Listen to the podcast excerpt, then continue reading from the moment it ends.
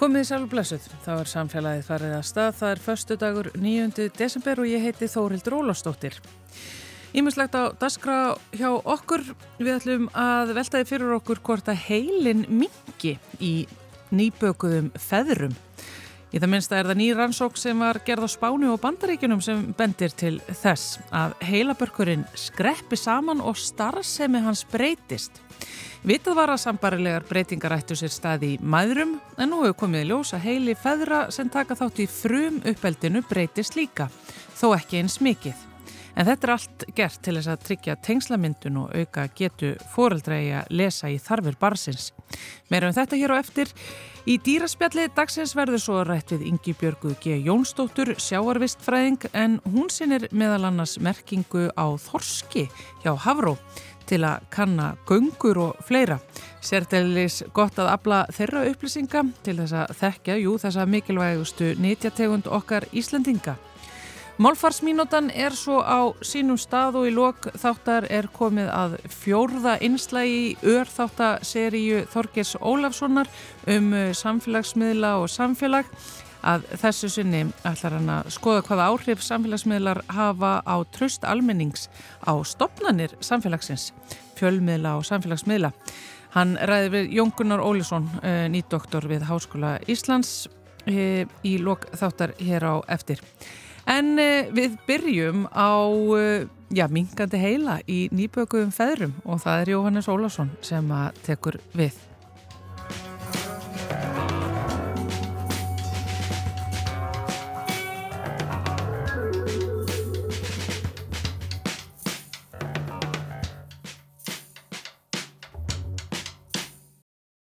Hann er sestur hjá mér Pétur Henry Pettersen, professor í taugavísindum á heilbriðisvísindasviði Háskóla Íslands. Vertu velkomin. Já, takk hérlega. Við ætlum að ræða eins um heilan.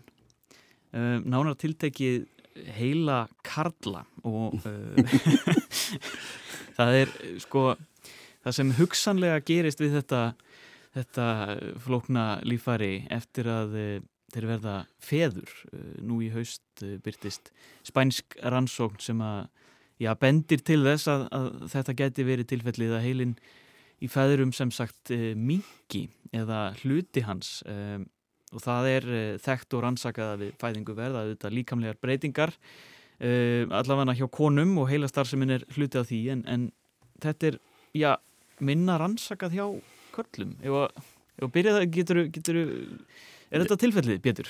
Já, almennt bara. Það er kannski best að byrja að taka fram að, að þessi rannsókn, þessi nýlega rannsókn uh, sem að er reyndar ekki aðgengileg sagt, íslenskum vísendamennum eða almenningi þannig að við erum kannski aðeins að, að tólka það sem að vísendamennir segja sjálfur sem þetta í öðrum miðlum en þessi rannsókn nú byggir framhaldsrannsókn af rannsókn frá 2017 frá sömu hópum eða sama hóp uh, sem snýri þá að konum. Og fyrir það fyrsta haldið sem mikilvægt að taka fram að það er ekki þetta byggir ekki á hundruðum eða þúsundum manna sko, þetta eru held ég í báðum tilfellum í kringum 20 í hvorum hóp. Þannig að alltaf þegar það er þá svona kannski bera varast að draga of mm -hmm. algildar hérna niðurstöður uh, en það eru hérna vissulega hérna, eitthvað sem ben, be, er ekki það nýðstöðun að séu, séu ómerkilegar en það, það bara þarf að staðfesta það er með öðrum rannsókn mm -hmm, mm -hmm. en það má kannski segja að ég er búin að lesa þessa grein frá 2017 sko, þegar það er að tala um konurnar og hún er á, á stór fróðleg, stór merkileg mm. af því þá er verið að bera saman í raun og veru heilan í konum sem sagt áður og eftir að það er eignarspöld og eða, eða konum sem að hafa eignarspöld við konur sem hafa ekki eignarspöld mm. og þá sjá þeir breytingar í heilum kvenna en það kemur í sjálf og sér ekki á óvart kannski í raun og veru vegna þess að við vitum að það gerir svo mikið í líkama kvenna við, eh, við að verða ófrískar mm -hmm. eða verða þungaðar og er, og er náttúrulega tengt bara inn á hormónastarfsemina og það má kannski segja að það er, það er breytingar sem að sjást í konunum eru þetta svipað eins og þú lístir með köllunum ég er kannski ekki rétt að segja heilum verði minni en það má kannski segja að ákveðin svæði í heilanum taki breytingum þannig að þessi svæði verði minni mm. eh, og við veitum nú kannski ekki nákvæmlega og, kannski ekki ástæðilega að ræða það nákvæmlega hvað það gerist nákvæmlega í þessum svæðum mm. en það er eitthvað sem gerir þau minni það þarf ekki endilega því að þau sé að gera uh, uh, minni hluti það getur verið að þessi bara gera hluti á einhvern annan hátt Já. en í konunum sem sagt er að þá er þetta í svæðum sem eru svona tengd við félagslega tengingar þar að segja tengingar við sko að setja sér í spór annara mm. þú veist eins og eins og, hérna, eins og ég eh, vonandi þú hefur hefðin að setja mig í, í þín spór hvernig Já. þér líður, þú veist að ég er með hálsbólgu og, og þá veistu hvernig mér líður þegar ég hef hálsbólgu og svo framvegis mm -hmm. Og þannig að þessi svæði eru þá í raun og vera virkjast eða verða virkari sem að í mæðrónum sem sagt að, að geta sett sér í spór barðsins og, og það má sjá líka að þegar að konunum eru síndarsend myndir af sínu eigin batni er að þá eftir því sem að þessi breytingi heilanum er meiri því meiri eru viðbröðin við myndir af sínum eigin badni. Þannig að þetta er vissul, þannig að það er hérna fylgni á milli sko tengsla milli móður og barns mm. og breytingana í heilanum. Já, þetta svæði. Sagt, Þe, já, þetta eru nokkur já, svæði já, en já. eitt svona, já, tvö, þrjú sem eru svona aðar.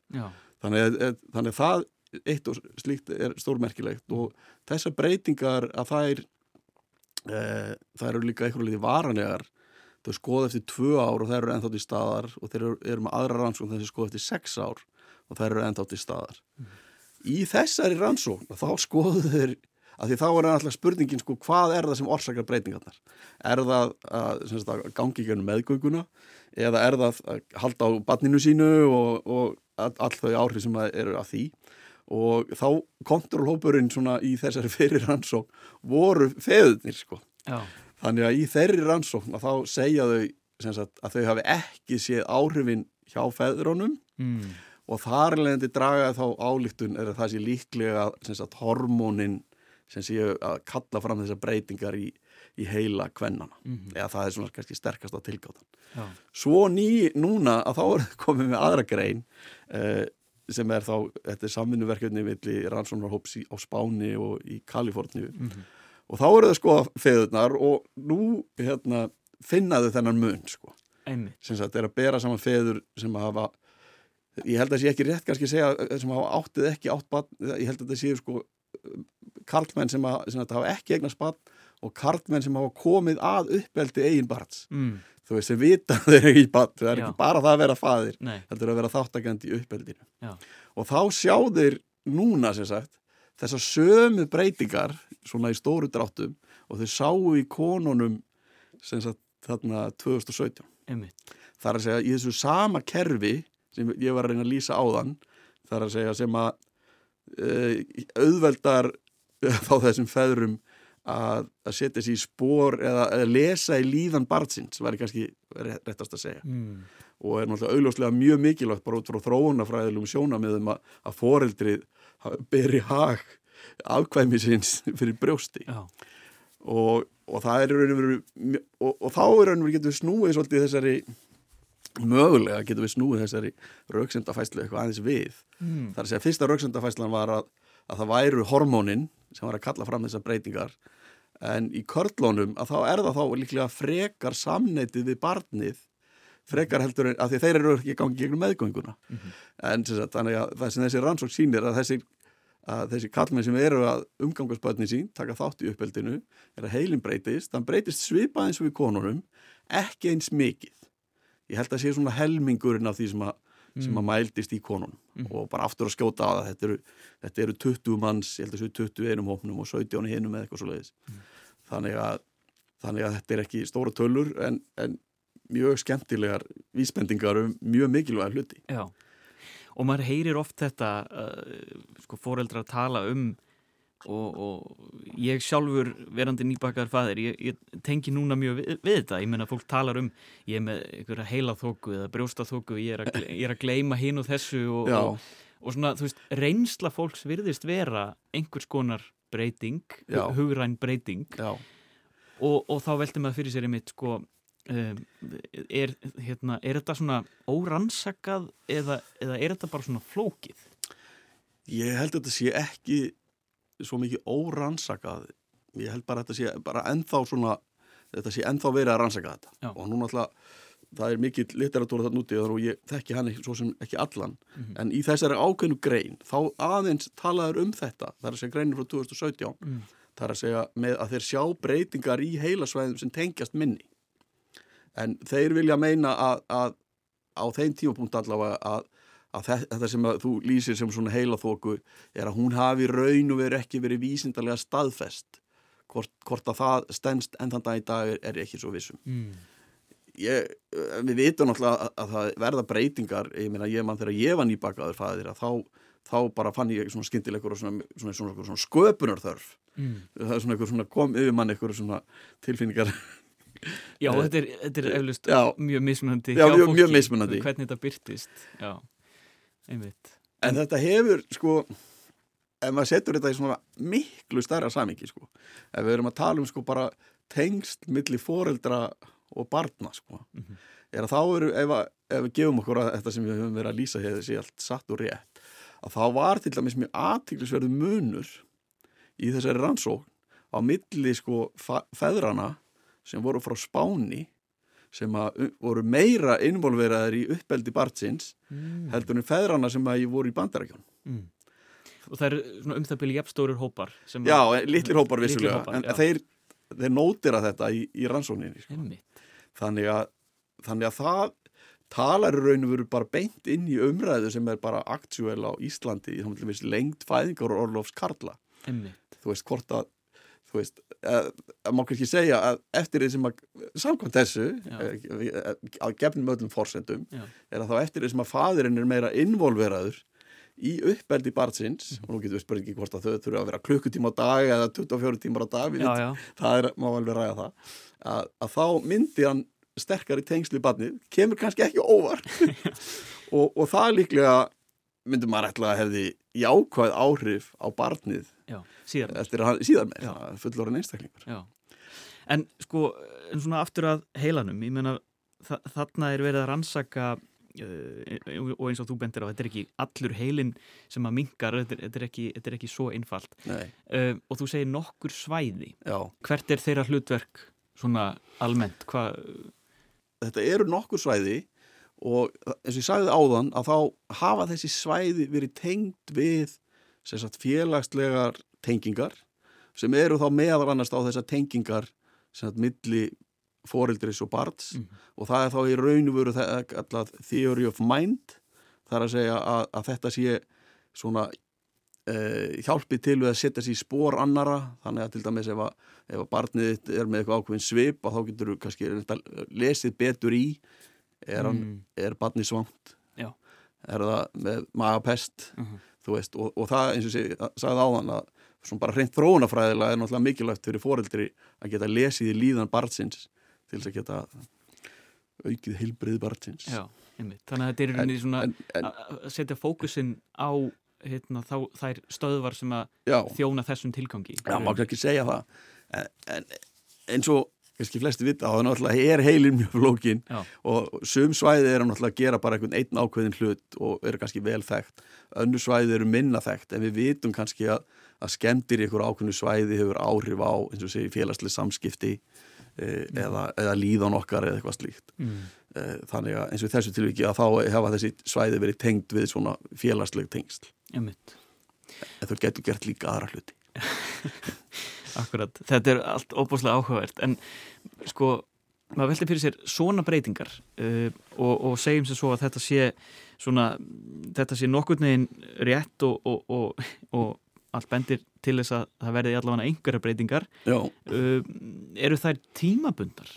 Er þetta, er þetta eitthvað sem að síðan vex aftur einhvern veginn eða? Sko það sem að það sem þau gáttu gert í fyrstu rannsóninni þá gáttu þau raun veru eh, þá voru það held í 20 og 20 eða eitthvað svo leiðis og þá var hægt að með myndgreininguna heila var hægt að bara með nota myndgreininguna heila var hægt að ákvarða hvort að konan sem að heilin var í Mhm. hvort að hún hefði orði móðir eða ekki þegar þau skoða þetta eftir 2 eða 6 ár þá gáttu held ég flokkaða sambarilega held ég 90% mm.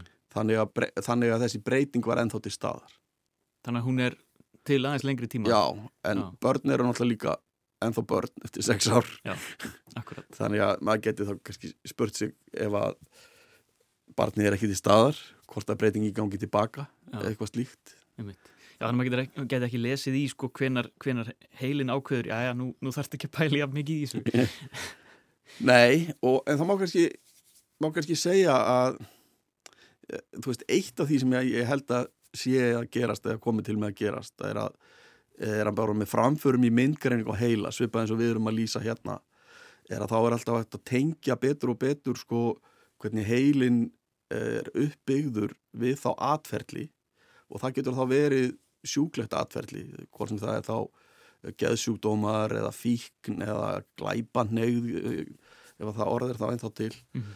og, og þannig að við höfum þá þar einlega möguleikan sko jafnvel að spá fyrir um eitthvað af þessu eins og kannski eins og þunglindi Eh, þessi þessi ákveðni heili er líklegt að hann tilheri einstaklingi sem að sé þunglindur mm.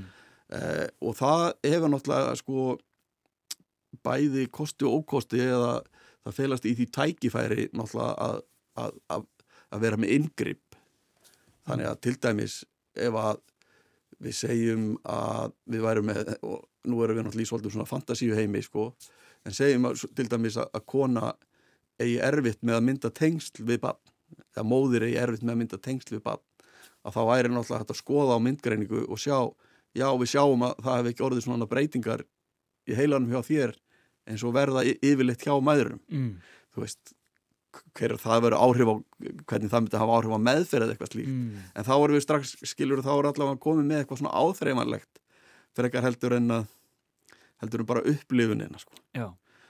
Og, og en náttúrulega allt svona myndgreining á heila og allt sem þetta lesa út úr henni og sem ég held að verði bara meira og meira er að, að það, það er náttúrulega líka einmitt skonar tækifæri til svona það sem við getum kallað misnótkunar mm. á, á einnið annan hátt akkurat það væri til dæmis þegar ráðið hérna hjá útvarpinu að þá væru þeir sem sagt um starfið veru settir í myndgreiningu til að sjá hvort þeir voru fyndnir og, og hérna hvort þeir veru hu hugvitsamir. Já. það væri svona fyrsta skrefið sko. Og þá var þetta að merkja fólk bara með, já ég er ekki að segja þessi kannski akkurat hægt núna nei. en það, það er svona svolítið í þessa átt sem En þetta er að fara. átt, já, já ég er kannski ekki svona mjög spesifíst Nei. ég er að tala um. En, en það eru greinar það sem að er talað um að það sem að, það sem að fólk lýsir því að það geti metið til dæmis gáfnafar mm. sem er þá, við erum þá að tala um gáfna vísitölu, hérna IQ Mhm. sem þarf ekki endilega kannski að vera gott mat á gáfnafar, Nei. en það er þá allavega eitthvað eitthvað tengsl þar á milli, uppbyggingar heilans og hvernig hann starfar Mm. og, og það eru mjög mörg önnur dæmi um breytingar á heila eða breytingar á uppbyggingu heila sem að tengja sjúkdómum Mm. og eins og við erum yfirleitt alltaf að hugsa um þetta með hvernig geta upplýsingarnar okkar upplýsingarnar hjálpað okkur að vera með inngrip til þess að hjálpa fólki Mm. en það er líka svona dökk hlið á þessu það má útskýra það þannig með að þessar breytingar sem að ebla tengsl foreldra og barns er að þær auk, auka líkur hérna, auka hæfni einstaklingsins, auka líkurnar á því að, að barnið vaks úr grasi til dæmis Mhm. og það það sé þróunar fræðilega skynsalegt fyrir, fyrir okkur, Mhm. það þarf ekki alls ekki að eiga við um alla, allar lífurur akkurat. Þú veist, þorskurinn sem að tekur miklu ásfóstir við bara eitt hrogn af 100 miljónum Mhm. hann á kannski ekki eftir að, að koma erðaefni sínu áfram til næstu kynsluðar þannig að þetta fer alltaf eftir umhverfi lífverunar Já, en við erum náttúrulega erum mjög sérstök lífverra já, þú veist, við erum hérna, fæðum stjórnum veru löngu fyrir tímanum að ber saman við ennu dýri náttúrunni og tengst milli barns og foreldra er, er mjög stert og langvinn einmitt. Veist, þannig að það er, það er mikilvægt að, að, að það að gangi upp. Og við erum þróuð til þess. Og, og með þennan rosalega heila. Já, vonandi. Já, sem, að, sem, er, sem er flókin og, og, og hérna, merkilegur en við kannski náum ekki lengra í Nei. þessari umræðu. Nei, þetta er, þetta stiklað á stóru. stikla á stóru en þetta er óbúslega áhugavert. Já. takk hérlega fyrir komuna Pétur. Og ég óskaði bara til hamngjum nýja barni já, takk. Takk, takk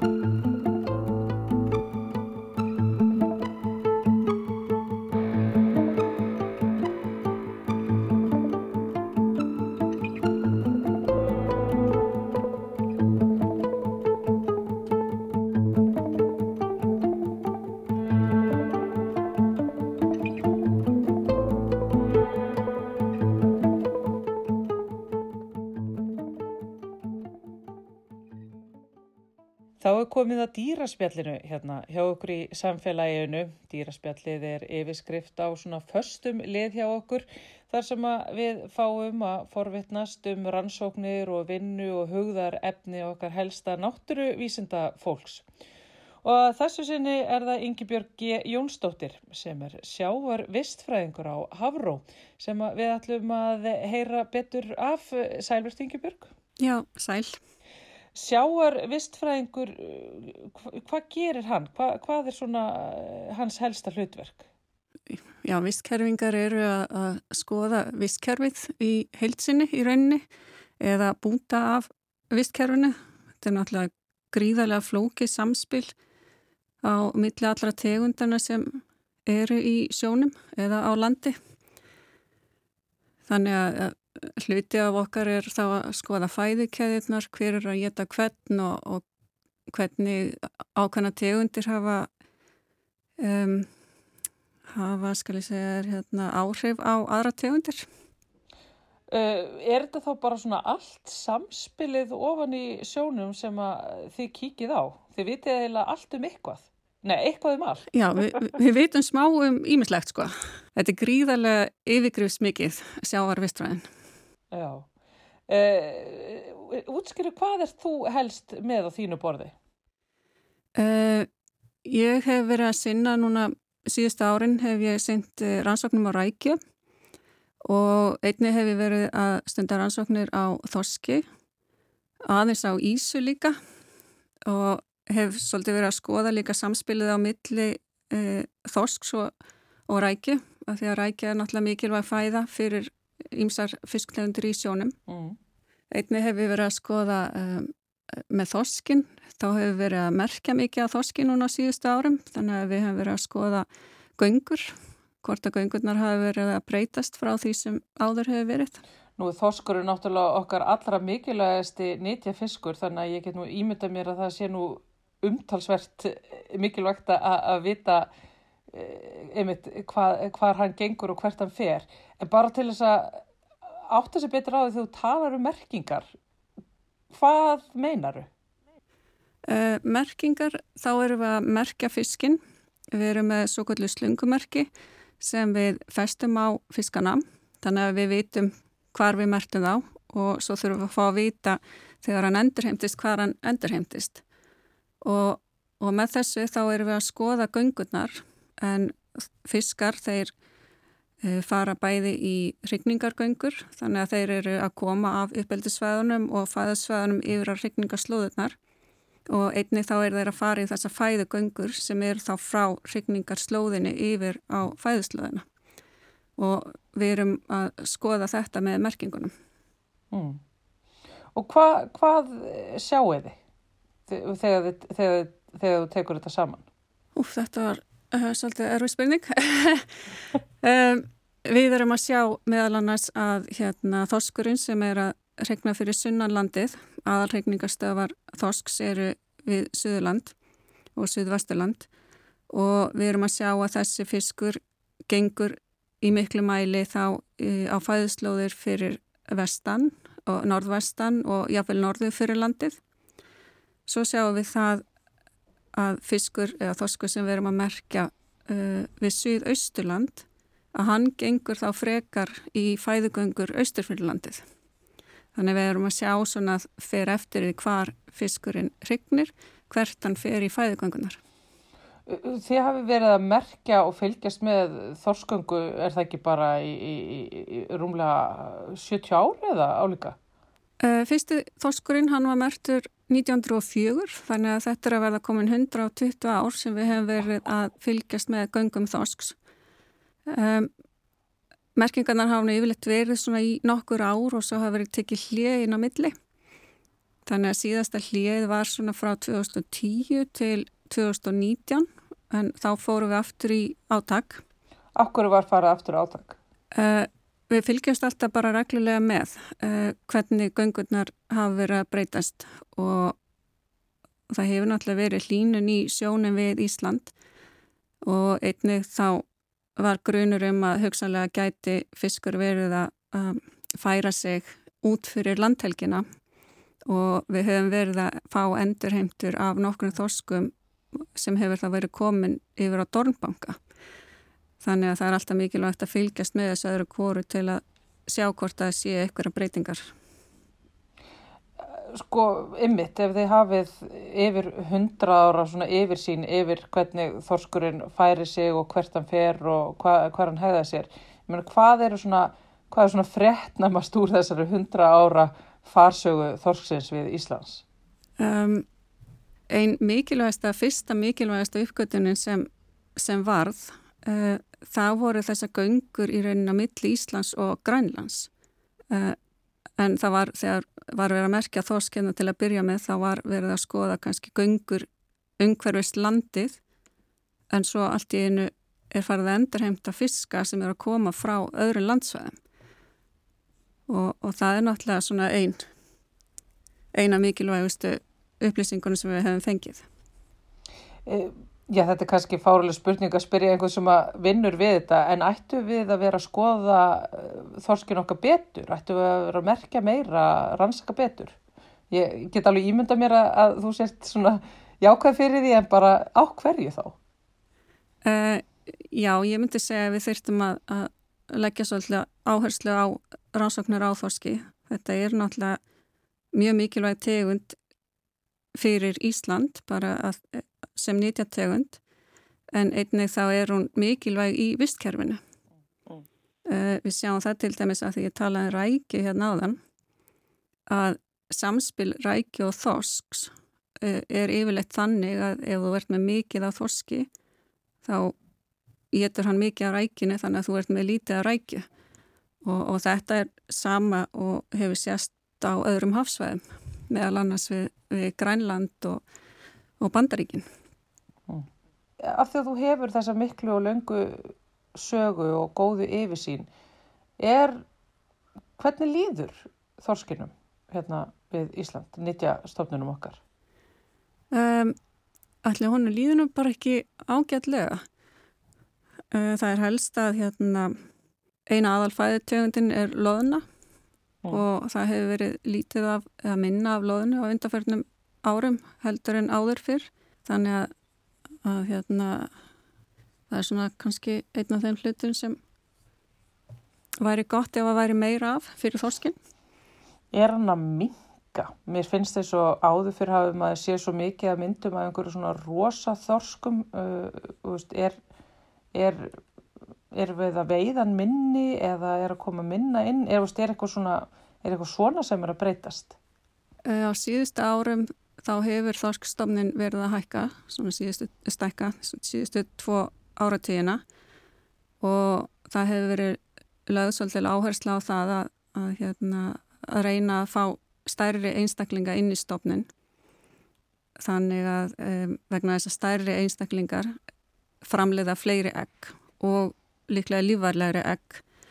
Þannig að, að þá ætti nýliðinin að aukast Þannig að nei, við eiginlega erum að veiða stærri fisk núna af því að það hefur verið að leggja áherslu á, á þessar breytingar með stækkun stoppsins. Og stærra er betra? Í þessu samhengi já, þá er stærra betra af því að, af því að hérna, þú færð stærri hróknasæki og þú færð meira hróknum. Þessar rannsóknir sem að þú ert að gera, þær eru notaðar mikið uh, bara þegar kemur að því að, að veist, útdeila kvóta og, og, og þar fram til göttunum. Finnir þú fyrir pressu sem slík að, að vera að rannsaka þennan ofsalega mikilvæga og ekki hvað síst verðmæta eh, fiskstofn við Ísland, bara undir stöðu okkar atvinnugreinar? Nei, ég get nú ekki sagt ég finni fyrir, fyrir pressu. Mér finnst þetta bara mjög áhugavert og skemmtilegt. Eh, rannsóknirna sem eru að mestu notar fyrir stoppmatið, það er tógararalli sem við erum með. Mm. Þannig að við erum alltaf með mjög staðlaða og flotta rannsókn sem hérna, fer inn í stoppmatið. Eh, Þessa rannsóknir far ekki beint inn í stoppmat. Heldur eru til að auka vittneski okkar um þannig að við getum þá já, hvað skal segja? Um, tekið tillit til þess þegar, þegar verður að fara í stafmatið. Er þegar, þú, þegar maður fylgist með einhverju svona dýri eins og þor, þorskinum uh, er við að veist, hvort, hvort hafið þið meira áhyggjur af því að hann færi sig eða að það verði hrun í stofnunum? Já, um, ég myndi nú örgulega þá frekar segja við höfum kannski ekki áhyggjur af hverju en við myndum kannski frekar hafa áhyggjur af hrjúni í stofnunum vegna þess að tilfærsla um, ef hún er að hafa vinnu góða inn á hafsvæðinu við Ísland er bara allt í góðu mm. þannig að já, ég myndi ekki segja að það myndi hafa neikvæði áhrif á stofnin Hvar er best að veiða þorsk við Ísland? Uh, helstu veiðsvæði þorsks er um, við Norð-Vesturland á vestfjörðamiðum en annars er hann veitur allt í kringu landið. Ef að þú væri skipstjóri, myndur þú þá vilja vera á bát fyrir vestan? um, já, þú fær náttúrulega fínan þorsk þar en, en hins vegar þá er ég náttúrulega bara ekkert einstaklega sjóraust þannig að á þeim grundvelli vildi ég ekkert endilega vera á vestfjörðamiðum, nei. Alltilega. Segðu okkur aðeins meira frá þessum uh, merkingum. Uh, veist, ég, veit þau, ég veit að merkingarnar hafa þróast rosa mikið einmitt bara frá því þið byrjið á þessu fisk. Hvernig var fyrst verið að merkja þorsk og, og hvað er þetta orðið að núna? Fyrst þá var notað uh, svona ringla og plötur. Þær voru festar saman með výr og þær voru festar í tálknólkin á fiskonum með výr líka. Uh, setna komu svo svona plastplötur sem voru einnig festar þá reyndar við bakugan, fyrir fram að bakugan. Þetta voru plastmerki sem voru fest með annarkort vírum eða, eða nælonþráði. Svo frá svona 1991 þá hefur við verið að nota þessi slöngumerki sem við erum að nota enn þann dag í dag og þetta eru merki sem eru eiginlega bara svona eins og merki sem við setjum í föttin þegar við erum að merkja, verðmerkja fött. Þeir eru bara svona létt og meðfærileg plast, svona ílangt plastmerki og við erum að nota svona eins og fatabissu í rauninni til að festa þetta í geyslana sem eru við bakuggana. Meiða þeir sig? Meiða þeir sig við að fá merkin? Uh, ég hugsa nú bara svona um þetta eins og að fá gött í eirun. Þetta er afskaplega hérna, fljótgert og, og þessi litla nál sem við skjótum í plastmerkinu. Þannig að, já, svo höfum við verið að nota líka rafindamerki og það eru mjög áhugaverða niðurstöð sem fást á þeim líka. En það eru það merki sem við setjum inn í kvíðarhólið á fisknum og hérna það mælir umhverfishita og, og þrýsting sem er þá settur yfir í dýpi. Þannig að þannig eru að fá á tíu mínutna fresti upplýsingar um dýpi og hítasteg sem fiskurinn heldur sí þannig að þessi merk eru þá að gefa okkur upplýsingar um allt sem er að gerast að milles frá því merkjum fiskin og þar til hann endurheimtist En er ekkert hægt við að, að veist, merkinn týnist eða glattist, þurfið ekki að fá þau tilbaka? Geti ykkur borðað þau óvart? Já, já, og, og við höfum alveg orðið viknað því að, að vera nýbúin að setja mertan fisk í, í sjó og, og þá kemur fuggl og, hann. Þannig að það getur alveg gæst. Um, merkinn þau geta líka dóttið út hérna, eftir að fiskurinn er komin í sjó. En jú, svo þurfum við að endurheimta fiskinn og við erum að fá cirka svona 15% af fiskun sem við merkjum fáum við tilbaka. Þannig að það er, það er töluvert af mertum fiski sem við heyrum aldrei af aftur. En eru þið þá bara að treysta á veðimennina að á sjórútvæsfyrirtækin að skilja ykkur aftur fiskunum eða bara merkjunum úr þeim? Eh, já, við algjörlega. Eh, sjómenn og starfsfólki í fiskvinnslum þetta er, þeir eru búin að senda okkur í gegnum tíðina hellingamerkjum sem þau sjá og við treystum algjörlega á þau uh, varðandi þetta. Verðið það að fá merkjum tilbaka til þess að geta lesið uh, úr upplýsingunum? Um, við verðum að fá rafindamerkin tilbaka af því að við erum með sérstakann búna til að lesa af þeim merkjum.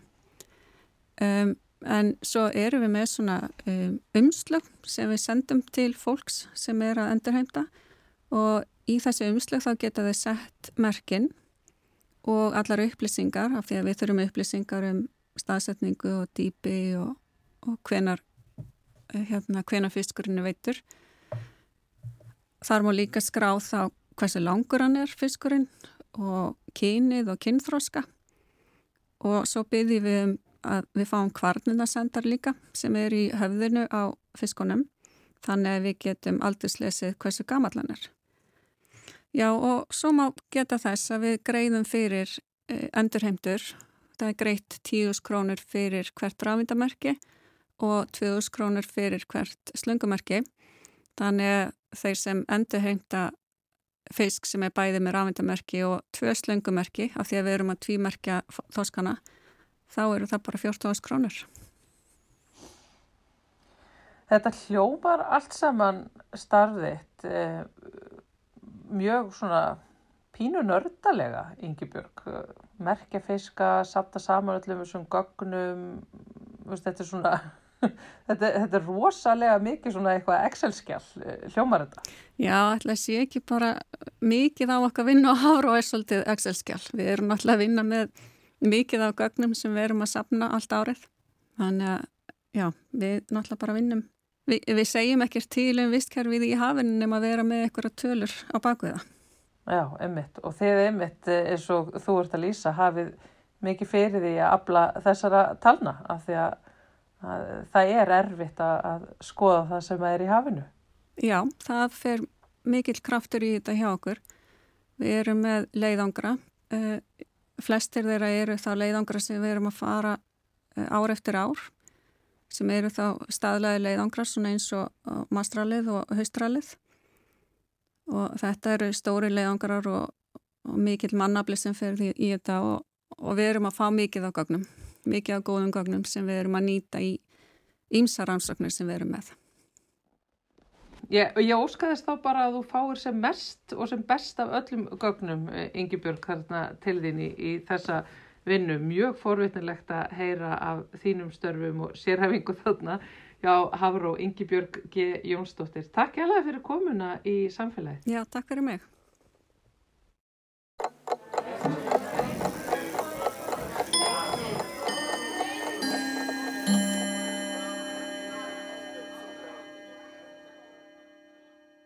Skáld er korkinsorð, en er hægt að halda því fram að það sé orð sem eigi við um öll kyn? Það er alveg áreiðanlega hægt í nútímamáli og má halda því fram að það sé eitt af fáum íslenskum starfsheitum sem eru í korkinni. Það er hægt að kalla það starfsheiti hafi fólk lifibröð sitt að því að vera skáld. Annars er það eitthvað annað en starfsheiti, kannski enginni eða lífstíl. Fólk af öllum kynjum getur verið ljóðskáld, sagnaskáld, leikskáld og tónskáld. Þannig hefur það þó ekki alltaf verið og í heimi kynja tvíhyggjunar var korukins orðið skáld yfirleitt haft um karlmenn. Til aðgreiningar voru konur sem ortu ljóð yfirleitt kallaðar skáld konur og eru jafnvel enn. Eflaust eru þó dæmi þessi gegnum tíðina að konur hafi verið kallaðar skáld.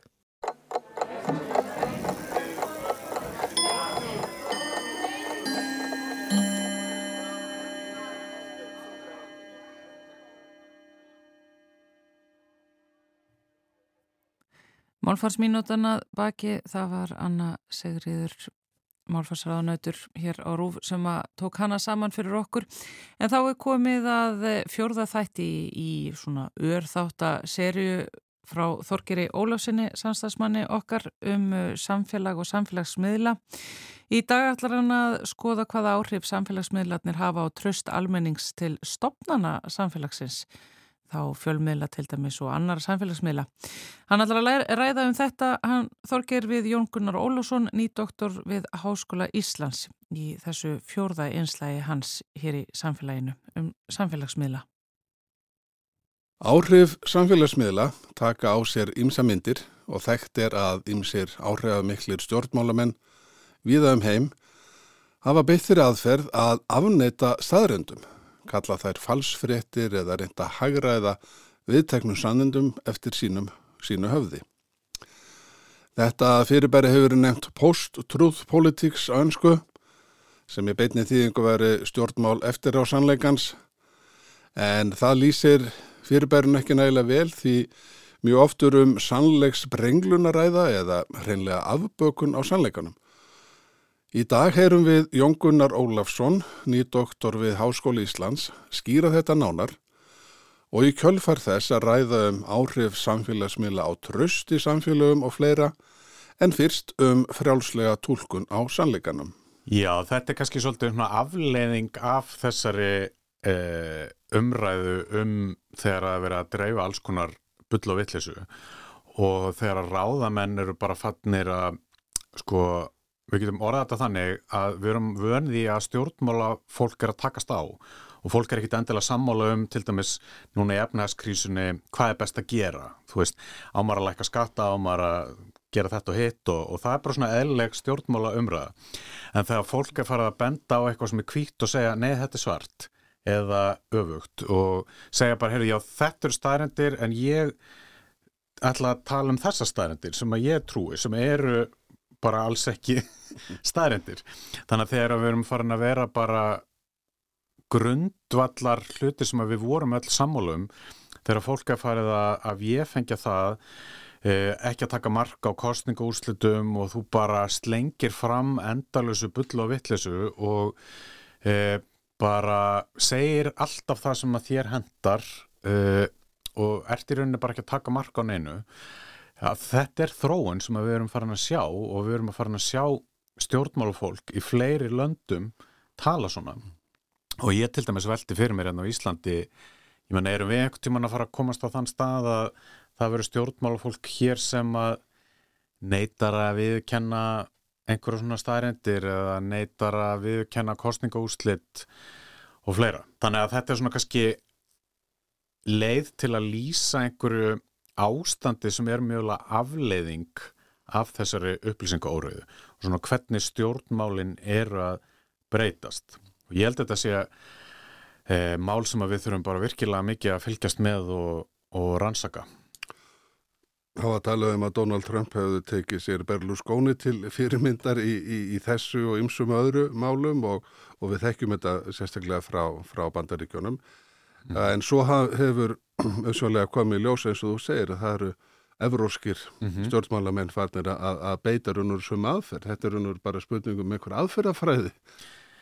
Já, já og ég menna þetta er líka, ég held að eitt sem að ég hef séð að mjög margi bandarískir fjölmilar hafa svona kannski eftir kostningarnar 2016 viðkendu að þeir hefðu sko fjalla með ekki nógu gaggrinum hætti til dæmis um það sem að Donald Trump var að segja að um, þetta er líka þetta spilar svolítið vel inn í þetta fjölmela eða svona samskipta umhverju sem við búum við í dag. Þetta er svona oft hlutir settið fram sem að nexla fólk og fólk bara nei, sagðan þetta í alvörinu þetta er nú meira bulluð og vittlesan og þá ferðu og smellur á þetta og þá fær e, fjölmiðlin eða samfélagsmiðlin auglýsingapenning fyrir það.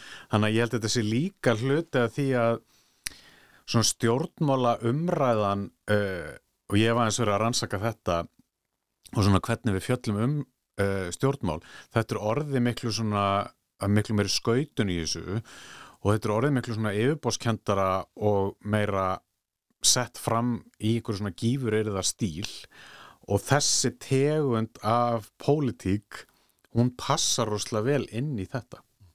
Þú ert uh, hlutið að rannsóknar hópi uh, sem að Háskóli Íslands leiðir en uh, eru háskólar viða í Evrópu og einni í Kanada þar sem að þeir að rannsaka meðal annars áhrif samfélagsmiðla og, og upplýsinga óriðunar á, á líðræðið. Mm -hmm getur við sagt að það sé einhverju tiltekni þættir til dæmis í samfélagsmiðlunum og þar sem þar ásir stað sem að uh, menn hafa hugmyndur um að valdi meiri skada en aðrir.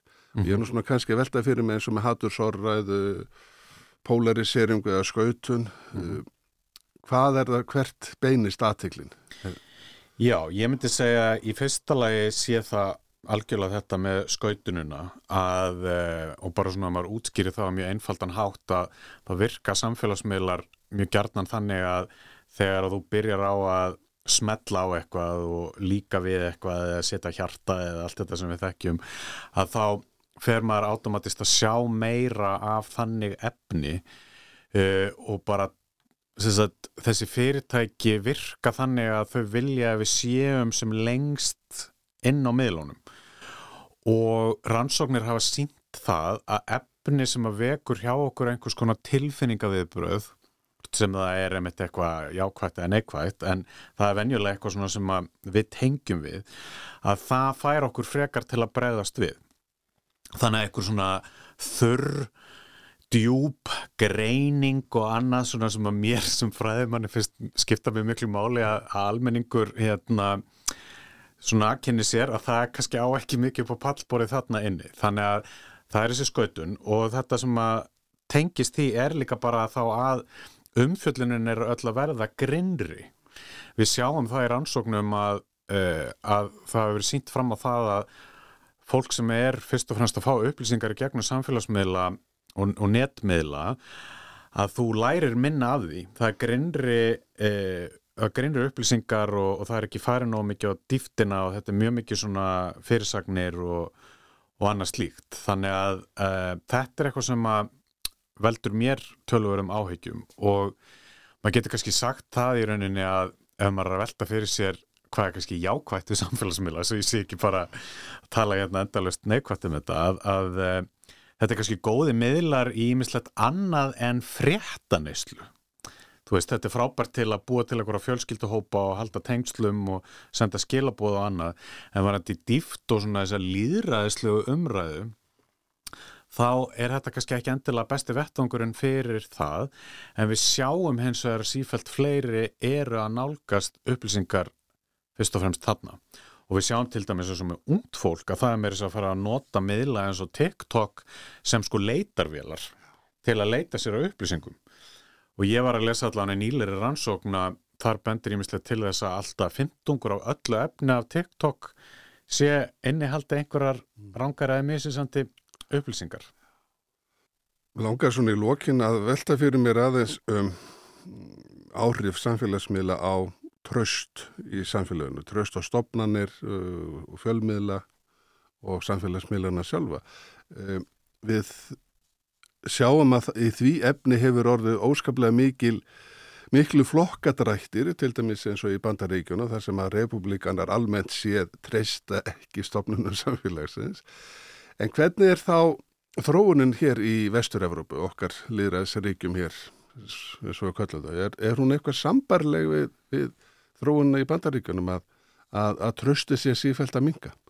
Það er mjög áhverð þetta með republikarna. Ég var mitt að lesa rannsókna þeir treysta oft sko stopnunum betur þegar að þeirra fólk er við völd. En það er alveg rétt sem það segir að þeir treysta samt almennt minna og demokrater eru líkleri til að treysta líka þó að republikanar séu við völd. Um, en það sem við sjáum í alþjóðlegum rannsóknum er að sko tröst til ímessastofnana fer minkandi hjá vissum hópum og það, þetta hangir einmitt saman við upplýsingarneyslu og þetta er svona eitthvað sem ég hef uh, verið að kynna mér og hef áhyggjur af að við sjáum að fólk sem að treystir minna stofnunum samfélagsins og þar hef ég hefðbundna fjölmila með en maður getur tala um domstóla og stjórnvöld og svo framvegis og ég var að skoða þetta mikið í tengslu við COVID-19 faraldurinn að það fólk er líklegra til að treysta þá ekki upplýsingum sem að koma frá hefðbundum fjölmilum og fer þá frekar að leita sér upplýsinga á samfélagsmiðlum og á öðrum stöðum og er líklegra til að trúa allskynns samsæriskenningum og bara almennt séð raungum eða missisandi upplýsingum. Til dæmis eins og við sáum þarna mikið varandi bóluefni og, og annað slíkt. Og þetta getur þá bara haft áhrif á það bara hvernig fólk er að hegða sér í samfélaginu. Uh, og þannig að þetta getur alveg haft miklar afleðingar. Mm. Nú hefur Evrópussambandin lílega gefið út reglugjör sem tekur gildi eftir rúmt ár uh, um uh, samfélagsmiðlana bæði hvað var að viðskipti og, og almennt, svona stóra almennt, almenna nótkun skulum við segja og rétt notenda Getur þetta, raun og raun, hvernig samfélagsmiðlarnir hafa þróast, getur það reynlega leitt til þess að fleiri ríki og ríkisambönd fara að þrengja að þeim og þá náttúrulega í sjálfur sér bæði hvað er hægt að gera þar og, og hvernig þeir haga sér og kannski þá líka í leiðinu að þrengja að, að eh, tjáningafrelsunum. Já, þegar stórt er spurt. Uh, ég, ég menna, ég held að við erum ennþá bara mjög mikið að læra inn á alla þessa tækni uh, og ef ég tala bara fyrir sjálfa mig að ég fara að nota samfélagsmiðla allt öðru í senni gerði fyrir nokkrum árum. Þannig að ég held að það muni hanga saman í rauninni hvað uh, svona uh, hérna alþjóðstofnanir og, og líka bara stjórnvöldi einstakar ríkjum að þau eru líka að læra inn á þetta og reyna að átta sig á því hvernig uh, hérna er hægt að svona Já, kannski beist, hefta svona vissa þætti þarna en, en ég held að það hangi líka svo bara saman við hvernig við sem upplýsti borgarar vinnum með þetta og ég held að þar skipti líka bara miklu máli svona fræðsla og, og hérna umræða um bara fjölmela læsi og annað slíkt eh, en ég held að við verðum alltaf að vera á varbergi gagvart þessu, þú veist tjáningafrælsu þetta skiptir mjög mjög máli og þetta verður alltaf einhver jafnvægis já, þetta er einhver svona balans eh, svo ég leiði mér að sletta að, eh, og, og ég held að við séum bara alls svolítið í saminningu að finna út, út úr þessu. Og þá má við eftir vil segja að tilhörunir sérstaklega Facebook uh, til þess að að takmarka óróðan að það er þá líka kannski þeirra tilrönd til þess að koma í veg fyrir að, að eh, ríkistjórni þurfa að setja mjög ströng lög. Akkurat og ég menna við sáum til dæmis bara eins og uh, þegar að það þurft að fara að merkja í rauninni hvaðan efni kemur að, uh, að það auðvitað Jújú, jú, þú getur dreift í áfram en þú þarf þá að vera eitthvað nafn á bakviða uh, og það vantalega drefur úr kvata hjá einhverjum til að gera þetta, ekki allir sem eru tilbúinir að hafa nafni sitt eitthvað tengt aðna við, en það er algjörlega stjórnvöldi eða þessar stopnanir þær eh, sko þurfa að vera með mögulega einhverjar leikreglur eða atrið sem að þau eru að fara að vinna með til að fyrirtækinn þá breyðist við af því að við mögum ekki gleyma því að Facebook og þessi fyrirtæki þetta eru þetta fyrst og fremst fyrirtæki sem eru að græða peninga. Það, það er hérna það er svolítið líkillin aðeins þetta snýst um, þetta snýst um peninga og við erum varan. Við erum að gefa þeim upplýsingar og við erum að gefa þeim tíman okkar uh, og þau eru ekki að fara að búa til reglur sem að draga úr möguleikum þeirra til að græða peninga nema þeim, þeim sem stilt upp við vegg